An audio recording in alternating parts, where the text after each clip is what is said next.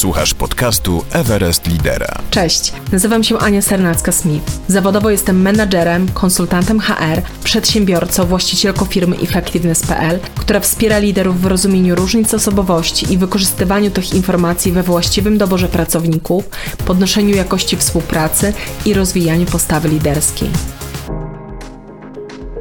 Tytuł tego odcinka Servant Leadership. Moda czy konieczność na miarę dzisiejszych czasów? Cześć, dzień dobry w kolejnym odcinku Everestowego podcastu. Na dzisiejszy odcinek i temat zacieram ręce, bo służebność to jest zagadnienie bardzo mi bliskie. Sposób, w którym prowadzę zespół Effectiveness, czy naprawdę wkładam wysiłek w to, żeby codziennie tak e, było. Servant leadership obserwuję, że to jest też taki temat, który nabiera na znaczeniu. W różnych źródłach odnalazłam to, że już oficjalnie z takim podejściem identyfikują się takie firmy jak na przykład Intel, SAS, Marriott czy Starbucks.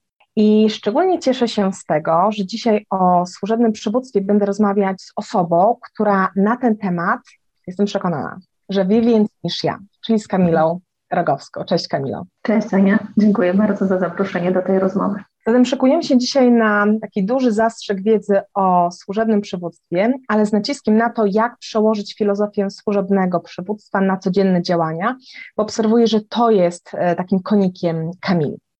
Mhm. Przyznam, że e, Kamila, wiesz, ja dzisiaj bardzo potrzebuję tej rozmowy mm, i cieszę się, że my dzisiaj będziemy tę rozmowę nagrywać.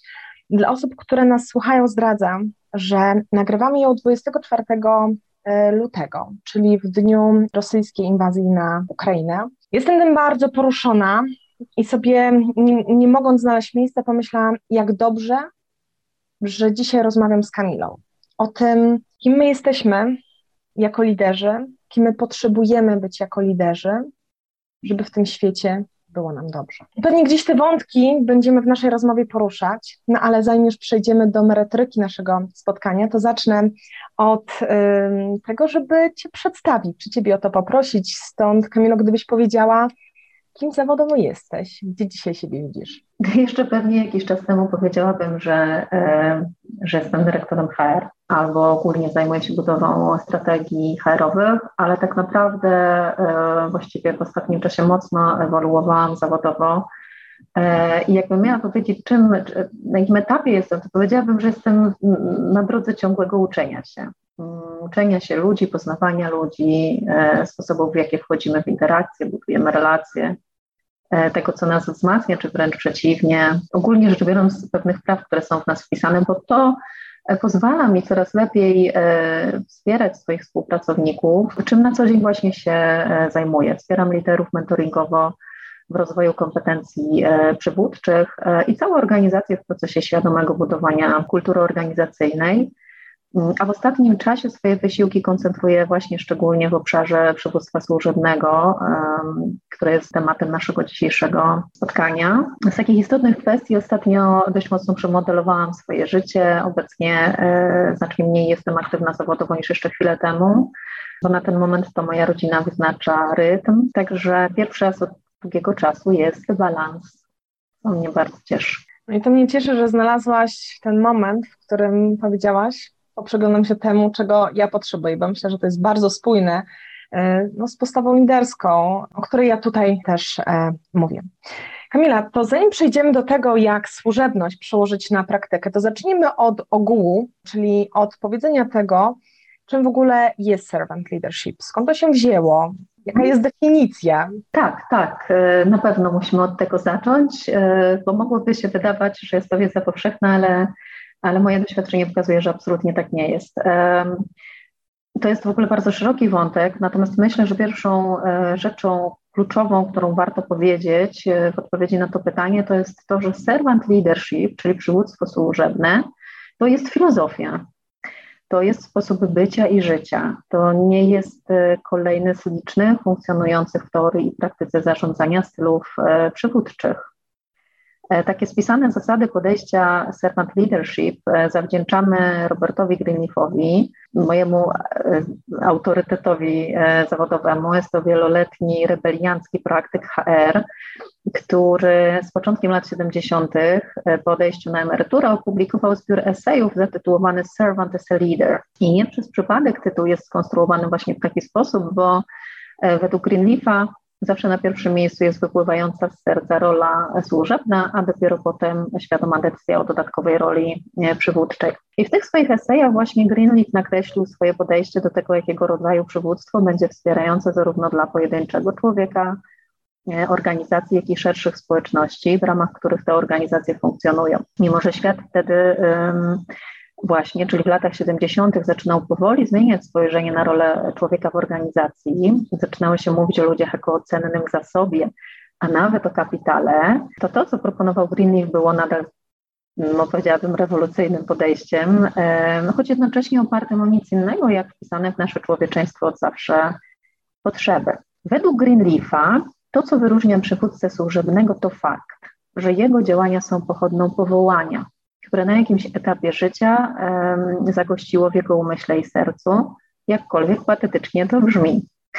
Te powołanie do działania w znacznie szerszej perspektywie, aniżeli maksymalizacja własnego dobra.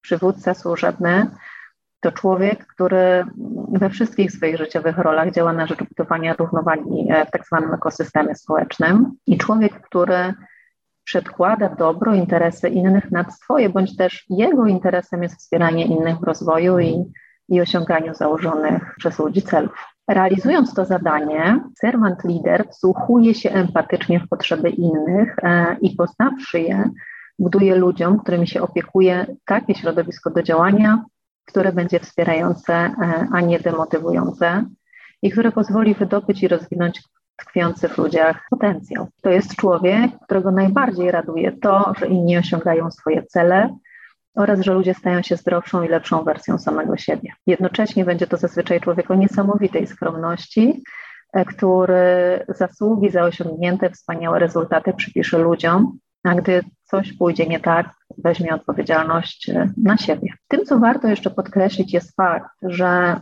Moc przywódcy służebnego bierze się z zaufania i szacunku, jakim obdarzają go ludzie, a nie z miejsca, które zajmuje on w hierarchii organizacji, czego świetnym przykładem będzie na przykład Gandhi. Jeżeli przywódca służebny ma tak zwaną wysoką pozycję stanowiskową, wykorzystuje ją do tego, żeby jeszcze lepiej służyć tym, e, których wspiera, a nie do tego, żeby nimi rządzić, e, czy też ich kontrolować. Jego poczucie własnej wartości nie wypływa z tego, jaką nazwę stanowiska ma e, na wizytówce i jaką liczbą ludzi zarządza.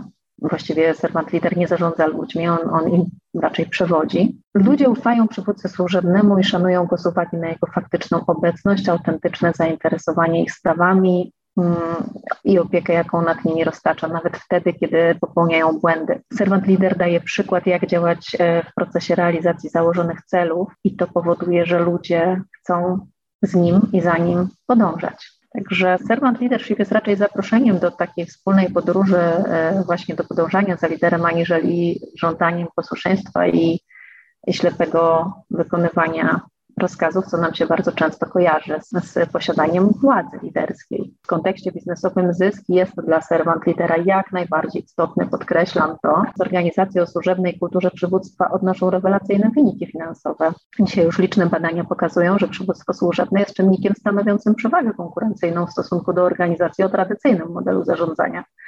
Ostatnio nawet czytałam, że Pośród 100 najlepszych firm rankingu Fortune już 17 z 25 czołowych organizacji e, tej listy określiło się jako praktykujące przywództwo służebne. Sprowadzając powyższe do, do, do takich konkretnych e, działań, bo nie chciałabym, żeby to, żeby to było takie pustosłowie, w fazie strategicznej przywódca służebny nakreśla cel istnienia organizacji, tak zwany purpose i, i jasny obraz przyszłości oraz wartości jako kompas dla ludzi tworzących firmę stawia przed zespołami e, jasne cele, a następnie odwraca strukturę organizacji. To jest w przywództwie służebnym kluczowe. Odwraca ją do góry nogami, aby z kolei w fazie implementacji strategii na czele organizacji postawić klientów i ludzi będących najbliżej klienta, a samemu postawić się w pozycji wspierającej. W fazie implementacji servant lider jest po to, aby służyć, a nie po to, aby jemu e, służono. Na tym etapie zadaniem e, lidera jest obecność, ważność, słuchanie, odpowiadanie na potrzeby ludzi, trenowanie ludzi, mentoring, udzielanie informacji zwrotnej i komunikacja. Jeżeli struktura organizacji nie zostanie odwrócona w fazie implementacji, ludziom się wydaje, e, że pracują dla swojego szefa, prezesa i poświęcają swoją energię na działania zmierzające do zadowalaniu go. Mm, są reaktywni w stosunku do, do, do wytycznych, decyzji i życzeń osoby zarządzającej firmą, ale przede wszystkim nie biorą za nią odpowiedzialności. W takim układzie to właśnie CEO, prezes czy dyrektor jest osobą odpowiedzialną, a wysiłki pracowników idą w kierunku zadowalania jego, a nie klienta. Kamila, ale ja Cię to zatrzymam, dlatego że tak. to pięknie brzmi. Mhm. Ja to bardzo czuję, ale teraz ja sobie myślę, czy przypadkiem, tak sobie myślę, biorę to z doświadczenia e, liderów zespołów, których słucham.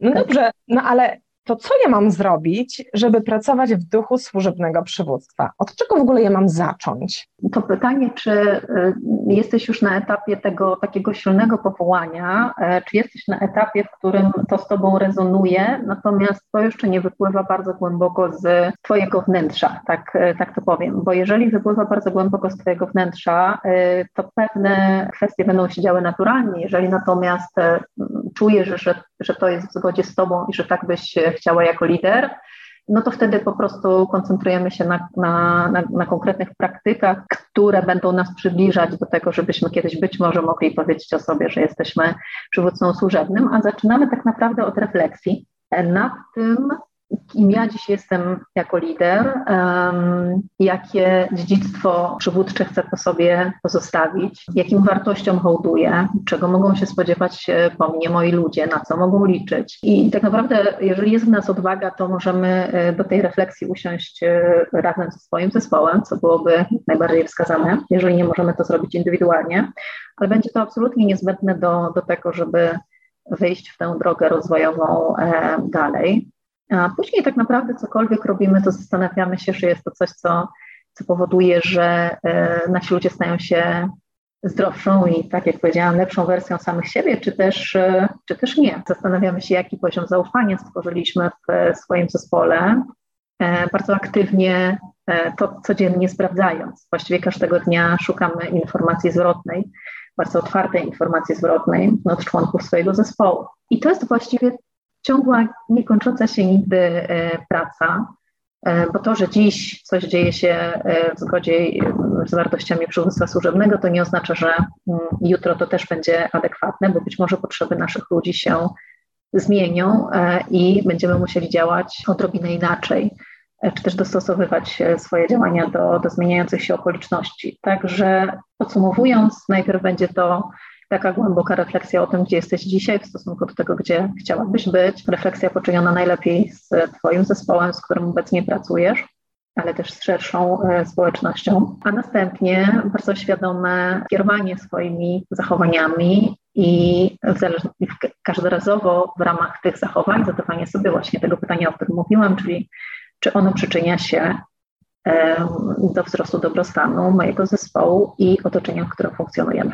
Powiedz mi, jakoś zatrzymało mnie to słowo powołanie, o którym wspomniałaś. Czy w takim razie Twoim zdaniem każda osoba, która prowadzi zespół, ma szansę pracować w duchu servant leadership? Wiesz co, tak, jak najbardziej ma szansę. Um, każdy lider ma szansę stać się liderem służebnym i można się tego nauczyć pod warunkiem, że właśnie w którymś momencie poczuje się ten tak zwany calling, że, że, poczuje, że człowiek poczuje pewien dyskomfort, e, e, obdarzając refleksją swoje dotychczasowe rozumienie roli ludzi w organizacji, że dopuści do siebie myśl, że pewne rzeczy można robić inaczej, no i jednocześnie będzie miał wolę wejść na tę niełatwą i, i, i i tak jak mówiłam, właściwie nigdy nie kończącą się drogę rozwoju e, kompetencji przywódczych. I wreszcie też jest to możliwe pod warunkiem, że człowiek zrozumie, że przywództwo nie jest o nim, a nasze ego jest wspierające tak długo, jak nam służy, a nie gdy zasługuje, cytując Dalaj, e, Dalaj Lamę.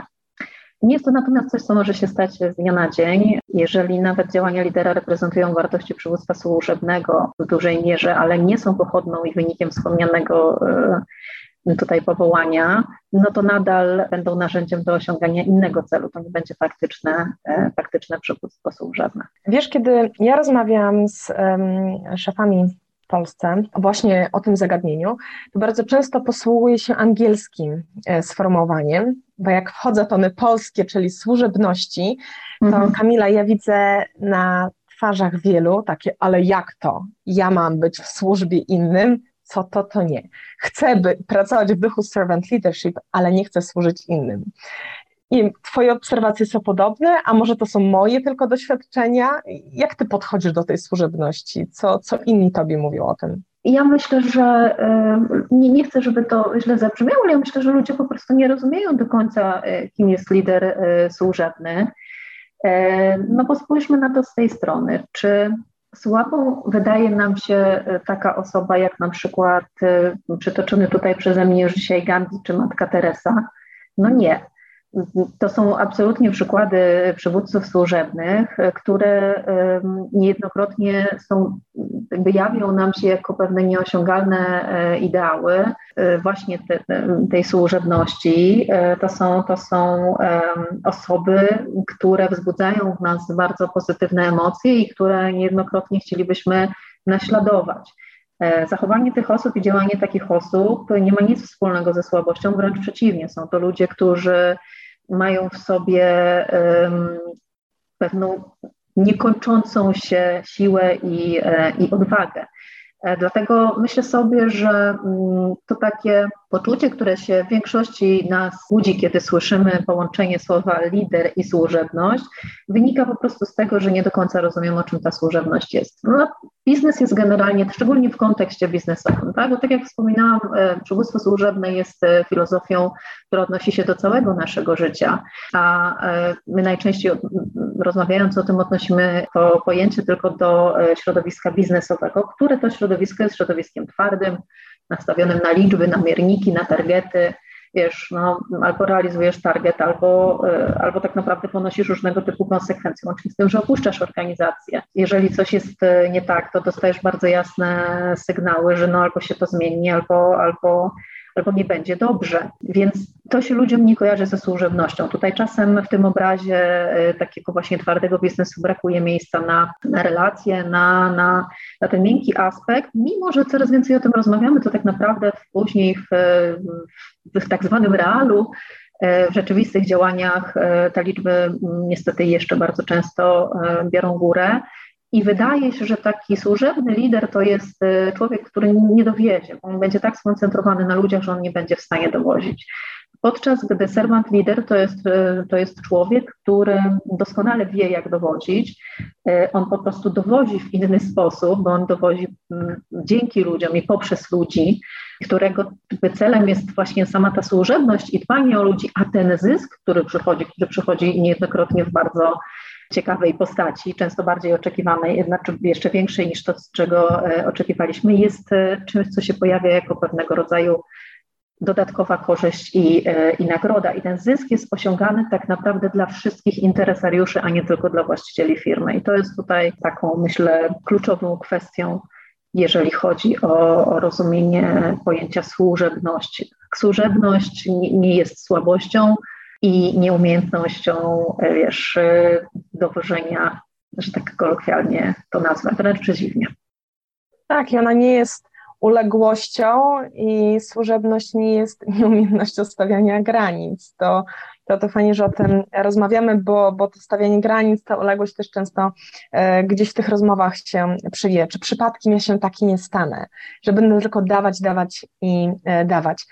Mhm. Myślisz, tak. że w, w tej filozofii jest taki moment, że można przedobrzyć, że będę dawać, dawać, dawać i poczuję, że ja sam już nie mam zasobów do tego, żeby się rozwijać? Z drugiej strony, czy to ja też potrzebuję wsparcia z mhm. zewnątrz? Pytanie wtedy czyjej? No, żeby cały czas mieć zasoby do tego, żeby w tej służebności być wobec innych. To jest, e, to jest, powiem Ci, to jest świetne pytanie. I myślę, że, e, ale myślę, że odpowiedź pewnie będzie dość mocno zaskakująca. Wiesz co, główną siłą przywódcy służebnego jest jego pokora e, i wynikający z niej proces ciągłego sprawdzania, gdzie, gdzie, gdzie lider jest w ramach obecnych okoliczności. Przywódca służebny permanentnie poszukuje w swoim otoczeniu informacji zwrotnej, a ta z kolei pozwala mu rozwijać się i stawiać, stawać się każdego dnia coraz sprawniejszym przywódcą. To jest y, przywódca służebny, to co dzień świadomie pracuje na zaufanie swojego zespołu i regularnie sprawdza, czy, czy to, jak y, działa, sprawia, że ten dobrostan psychofizyczny jego ludzi wzrasta. Przy czym nie mówimy tutaj o, wiesz, kolejnej anonimowej ankiecie w zespole. I to jest to, co daje mu siłę i pewność, że on zmierza w odpowiednim kierunku, wiesz. Cele ludzi y, są celami przywódcy służebnego. A zatem on wzrasta, gdy jego ludzie wzrastają. Pokora też e, oczywiście pozwala szukać e, wsparcia e, servant leaderowi na zewnątrz. To jest człowiek, który będzie regularnie w procesach rozwojowych z coachem, z, z mentorem, człowiek, który się, tak jak wspominałam, permanentnie rozwija, i z tego rozwoju i z tej świadomości, wiesz, że idzie w dobrym kierunku, z tej świadomości, że zna potrzeby ludzi, że za nimi podąża, i z tej, z tej świadomości, że przyczynia się do, do tego wzrostu i dobrostanu, czerpie swoją siłę, wiesz, więc ta siła, powiem Ci szczerze, ona się tak naprawdę nie jest w stanie wyczerpać ona się nie jest w stanie wyczerpać. To dobra wiadomość. Myślę, że bardzo też uspokajająca dla osób, które gdzieś takie wątpliwości mogą mieć. Ja zapewniam Cię, że, że, że one się po prostu e, pojawiają. Pewnie to Twoje doświadczenie e, też potwierdza. Tak. Mm, a powiedz, mm, jak e, myślisz o servant leadership i osoby, z którymi współpracujesz, jakby środowiska, które wspierasz, to jakie są, e, oprócz tego, czym jest służebność, jakie są inne mity na temat servant leadership, które tak naprawdę stają się barierą do tego, żebyśmy w takiej filozofii zaczęli pracować? Ludzie się e, obawiają różnych rzeczy w kontekście przywództwa służebnego. Natomiast jeżeli chodzi o moje doświadczenia i, i takie wątki, które się najczęściej pojawiają w rozmowach z liderami, no to najczęściej obawiamy się, że gdy zaczniemy się porozumiewać językiem wartości przywództwa służebnego, to zostaniemy uznani za lidera zbyt miękkiego e, i tak jak już wcześniej powiedziałam, właśnie niezdolnego do, do dowożenia, do, do realizacji e, celów biznesowych. No bo przecież chcąc to wyjść, trzeba być twardym, potrafić podejmować trudne decyzje oparte o dane, o liczby. No a tam, jak już sobie powiedziałyśmy, czasem brakuje miejsca na, na potrzeby ludzi. Boimy się też, albo przynajmniej takie jest nasze potoczne myślenie, boimy się też, e, że zaufamy ludziom, a oni nas zawiodą. I to jest e, duży, duży strach powszechny. Boimy się, że poniesiemy z tego tytułu konsekwencje różnego typu, łącznie z takimi materialnymi, chociażby jak utrata swojej pozycji, czy towarzyszących jej benefitów. Boimy się też, że ofiarując swoją służebność, wiesz, e, obnażymy się i, e, i stracimy autorytet, ten taki najbardziej popularny, tradycyjny, wynikający z wiesz, naszej funkcji i takiej, wiesz, twardości i stanowczości. No a wtedy ludzie nie będą nas szanować i, e, i może przestaną wykonywać nasze polecenia. Także to są różne takie mity i strachy, które nam towarzyszą, ale one najczęściej towarzyszą, moja obserwacja pokazuje, e, liderom, którzy są na początku swojej drogi, bo gdy e, już poczujemy ten calling przytoczony przeze mnie, kiedy, kiedy poczujemy to faktyczne powołanie do tego, żeby służyć innym, niezależnie tak naprawdę od tego, w jakiej roli życiowej jesteśmy, to te strachy znikają, bo, e, bo bardzo mocno zastępuje je takie poczucie misji i, e, i, i, silne przekonanie o słuszności obranego kierunku. Także no tak, tak, to z, tym, z tym ja się najczęściej spotykam. Powiedz mi, czy servant leadership możemy w jakiś sposób przełożyć na takie codzienne zachowania w praktyce lidera, bo powiedziałaś o jakby permanentnym zbieraniu informacji zwrotnej. Mhm. Wracając do początku, naturalnie jakby pamiętamy o tym, że to jest pewna filozofia e, tak. jakby podejścia prowadzenia e, zespołu. E, permanentne zbieranie właśnie feedbacku od zespołu.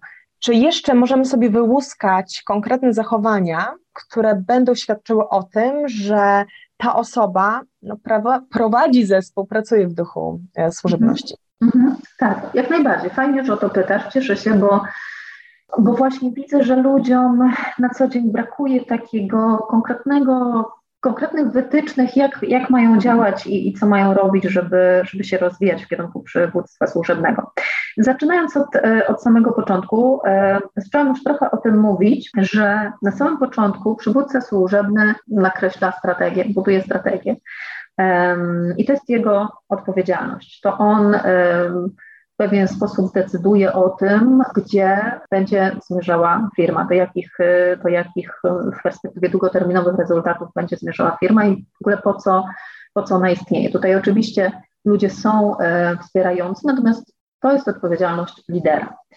I kiedy już e, mamy zdefiniowany ten purpose i wizję, czyli obraz tego, e, tej organizacji w przyszłości oraz wartości, czyli te zasady, które będą wpływały bezpośrednio na kształt zachowań ludzi w organizacji, to tak jak już wcześniej wspomniałam, i to jest mega istotny wątek w przywództwie służebnym, następuje to odwrócenie tej takiej typowej hierarchii organizacyjnej do góry nogami.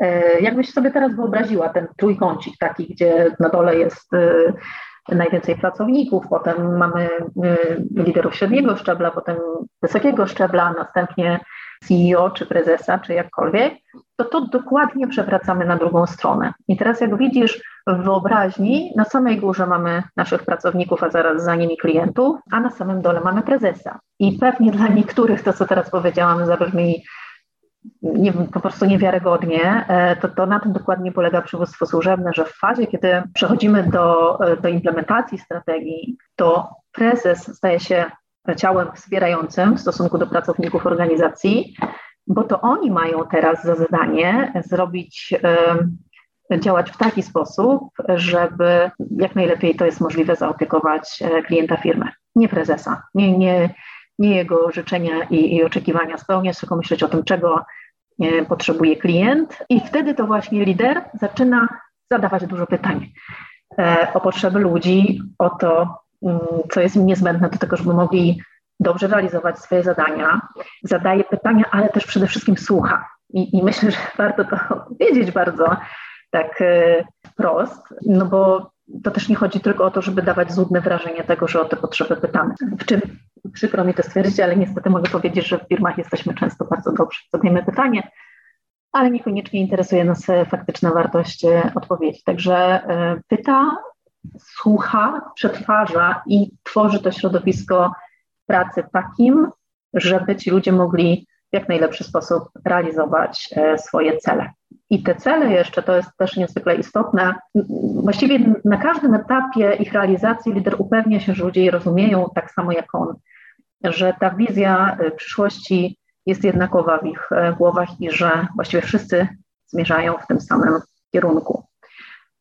Także lider jest ciałem wspierającym, ludzie są ciałem odpowiedzialnym na tym etapie, na etapie implementacji strategii. I to chyba właściwie jest ja myślę, przywództwa służebnego, czyli badanie potrzeb, odpowiadanie na te potrzeby i działanie w taki sposób, żeby ludziom się, już tak bardzo to sprowadzam do takich prostych słów, żeby się ludziom dobrze pracowało, co nie oznacza oczywiście spełnienia wszystkich e, próśb i oczekiwań, bo, bo nie o takich potrzebach też mówimy. Wiesz, to co sobie biorę z tego, co przed chwilą powiedziałaś, to to, że zobacz, w tak pięknej, ale przynoszącej jakby realne korzyści firmom filozofii przywództwa.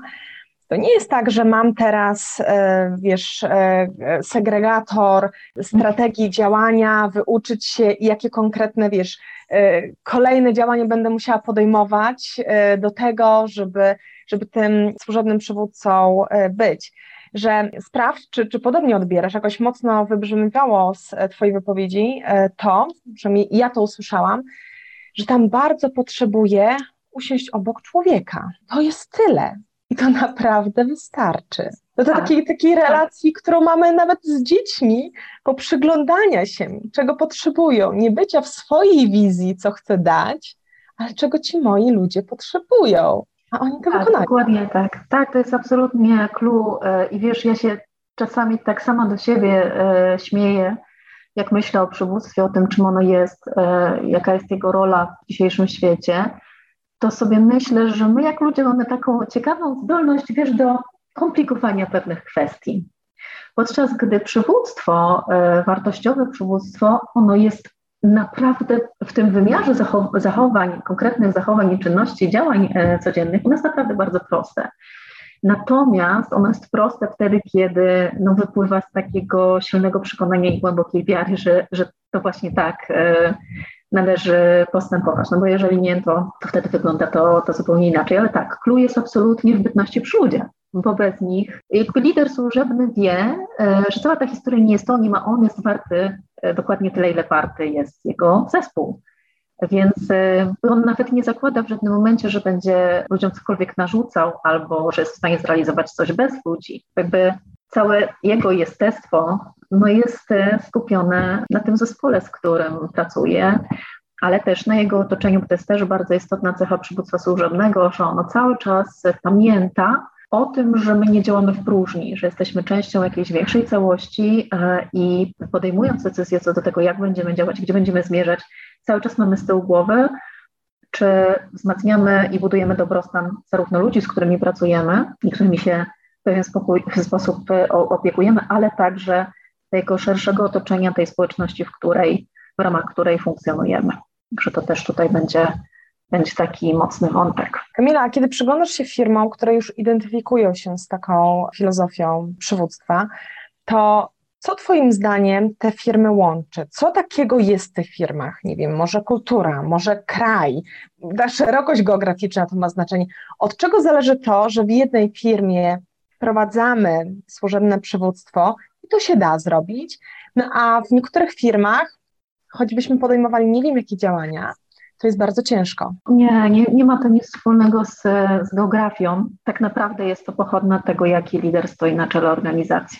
Bo, jak, bo w zależności od tego, jaki stoi lider na czele organizacji, taka jest e, e, i taka będzie kultura firmy. I właściwie mogłabym powiedzieć, że jeżeli organizacja ma szczęście i na jakimś etapie zacznie nią zarządzać e, człowiek z takimi wartościami przywództwa służebnego, czyli człowiek, który stawia interes e, innych ponad swoim, a jego bytność w firmie, wiesz, nie ogranicza się do, mówiąc wprost, zarobienia jak największej ilości pieniędzy w krótszej czy, czy dłuższej perspektywie czasu, no to te wartości, ta firma będzie tymi wartościami tak naprawdę z dnia na dzień przesiąkać, bo ten lider będzie całym sobą i swoim zachowaniem codziennie dawał e, wyraz temu przywództwu służebnemu, a co za tym idzie, wszyscy inni liderzy, którzy, mm, którzy będą z nim pracować, będą go naśladować, bo, bo zazwyczaj tak to się w organizacjach właśnie dzieje, a ci, którzy nie będą chcieli, bo nie będzie im w tym po drodze, to prędzej czy później się gdzieś z tej organizacji e, wykruszą. Przywództwo służebne ma, ma to do siebie, ma taką fantastyczną cechę, że e, rozmnaża się przez pączkowanie. To jest ciekawe w ogóle, wiesz, ale tak naprawdę bardzo prosty mechanizm chemiczny w naszym organizmie, że kiedy ktoś robi w stosunku do nas coś dobrego, to wydziela się u nas e, taki hormon zwany serotoniną.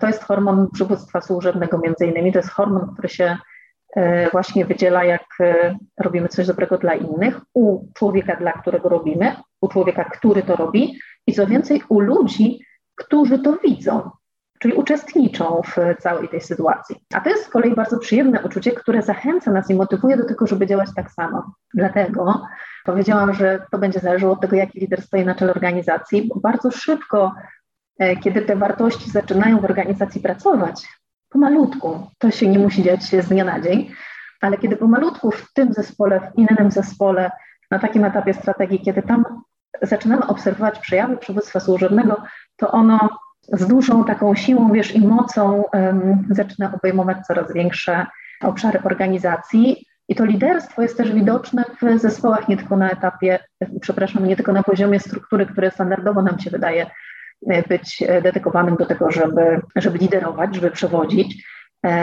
bo przywódcą służebnym można być niezależnie od tego, gdzie się jest w organizacji, w jakiej pozycji w organizacji się pracuje. Bo tak jak wcześniej już powiedziałam, nie ma to nic wspólnego albo nie musi mieć nic wspólnego z spełnioną przez nas funkcją tym, jakie mamy stanowisko. Także zdecydowanie lider. Zdecydowanie lider. Kamila, zmierzamy do, do końca. Ja tak sobie myślę, że tę naszą rozmowę o tym właśnie, czym jest przywództwo służebne, jakie konkretnie zachowania e, za tym stoją i co z tego też e, sam lider e, będzie mieć, od czego zależy to, czy w danej organizacji to wprowadzimy, czy nie. To są te zagadnienia, o których rozmawiałyśmy. Mam takie pytanie, które celowo trzymałam na koniec, które mm, o, które dzisiaj mocno we mnie, we mnie rezonuje i, teraz je zwerbalizuję. Mm, może to z taką refleksją też e, słuchaczy zostawimy. Po co nam jest służebne przywództwo? No myślę, że, że patrząc na to e, z socjologicznego punktu widzenia, Dzisiejszy świat, nie tylko firmy, desperacko potrzebuje przywódców służebnych, um, chociażby dlatego, że jako ludzie jesteśmy stworzeni do, do kooperacji w zaufaniu i, i, i poczuciu bezpieczeństwa. Od zarania dziejów, albo może od 50 tysięcy lat, kiedy, kiedy Homo sapiens wędruje po świecie, naszą przewagą było to, że działaliśmy razem. Nie siła mięśni, nie, nie rozmiar naszego mózgu, tylko wspólne działanie oparte na zaufaniu e, spowodowało, że dziś jesteśmy ewolucyjnie tutaj, gdzie jesteśmy. No tylko, że na pewnym etapie i w pewnym momencie e, wraz z tym, jak świat e, no, przestał być dla nas zagrożeniem na każdym kroku, wraz z rozwojem kapitalizmu, wzrostem ilości posiadanych e, przez nas jednostkowo dóbr, gdzieś zaczęliśmy się od siebie izolować z różnych powodów, między innymi w obawie, że ci, którzy, którzy będą mieli od nas mniej, zapragną, żebyśmy się z nimi podzielili. No i też wszystko stało się bardzo łatwo dostępne i wiesz, już nie musieliśmy, nie potrzebowaliśmy, żeby szef z sąsiedniej wioski zrobił dla nas buty w zamian za to, że my mu wypleciemy kosze z wikryny. No, izolacja stała się, stała się rzeczywistością na ogromną skalę. Przestaliśmy funkcjonować w ramach społeczności skupionych e, wokół wspólnych celów i po prostu dbających o siebie wzajemnie co dzisiaj coraz bardziej do nas dociera. My ogólnie jesteśmy istotami społecznymi i do dobrego funkcjonowania bardzo potrzebujemy świadomości, że ktoś się o nas troszczy, bo to nam daje poczucie bezpieczeństwa, bez którego nie jesteśmy w stanie zdrowo funkcjonować w żadnych relacjach społecznych. Dopóki nie będziemy czuć się bezpiecznie, nasze postępowanie będzie motywowane strachem. I dokładnie takie same potrzeby mamy w pracy. Chcemy być częścią czegoś większego, chcemy się czuć przynależni, chcemy być ważni, chcemy mieć poczucie, że mamy za sobą lidera i zespół, który nam się mm, powinie noga. No chcemy czuć, że nie jesteśmy sami. E, dziś, w dzisiejszym świecie mam wrażenie, e, jeszcze bardziej niż chwilę temu, to wszystko jest istotne, e, bo w kontekście kilku ostatnich ważnych wydarzeń, chociażby takich jak pandemia, żyjemy pod dużą presją i ogólnie rzecz biorąc towarzyszy nam poczucie niepokoju, żeby nie powiedzieć strach. To są takie okoliczności, które powodują, że niestety jesteśmy w stanie za cenę tego bezpieczeństwa i za cenę takiej opieki, y, którą niektórzy chcą nam zaoferować, że jesteśmy w stanie też oddać część naszych wolności czy część naszej suwerenności, co może inaczej, nie tyle nie ma, co może nie mieć dla nas dobrych konsekwencji w poziomie jednostkowym, ale i i społecznym. Dlatego tak istotnym jest, co to będzie za lider, ten, który nam to bezpieczeństwo zapewni. Czy to będzie ten lider służebny, który w pewien sposób celem swojego życia uczynił działanie na rzecz dobra innych, czy to będzie ten lider pozycyjny, który tak naprawdę jest self-liderem, self-servant liderem, czyli on też służy, bo służebność jest ogólnie rzecz biorąc w nas zaszyta, tylko jedni służą sobie, a inni służą innym. To, co się dzisiaj stało, czyli atak Rosji na Ukrainę jest idealnym przykładem tego, gdzie jesteśmy w stanie jako ludzie zabrnąć w swoim wiesz, strachu i takim niepokoju wywołanym różnymi wydarzeniami. Dlatego no, przywództwo służebne ja osobiście widzę jako ratunek e, w tym, gdzie jesteśmy dzisiaj jako społeczeństwa. Kamila, dziękuję. I kończąc, chyba wrócę do e, tytułu tego odcinka Servant Leadership. To nie jest moda. To naprawdę jest konieczność na miarę dzisiejszych czasów. Kamila, bardzo dziękuję za rozmowę za to, że w nowej też rzeczywistości swojej znalazłeś czas, żeby swoimi doświadczeniami się podzielić, swoją wiedzą i osoby, które e, nas e, słuchają, zachęcam do tego, żeby, e, żeby śledzić kolejne też odcinki podcastu i dzielić się tymi informacjami z innymi, czy też, też wracać do mnie z informacją o tym, jakie tematy będą dla Was ważne. Kamila, jeszcze raz dziękuję Ci bardzo. Dziękuję pięknie. Um, dziękuję pięknie, bo dziś jest to dla mnie szczególnie ważne, um, że mogłyśmy porozmawiać o przywództwie służebnym i o jego roli we współczesnym świecie. Dzięki. Dziś było o tym temacie, a już wiem, że kolejne nam się szykują jako, jako zagadnienia, o których będziemy mogły sobie podyskutować. Do usłyszenia. Do usłyszenia.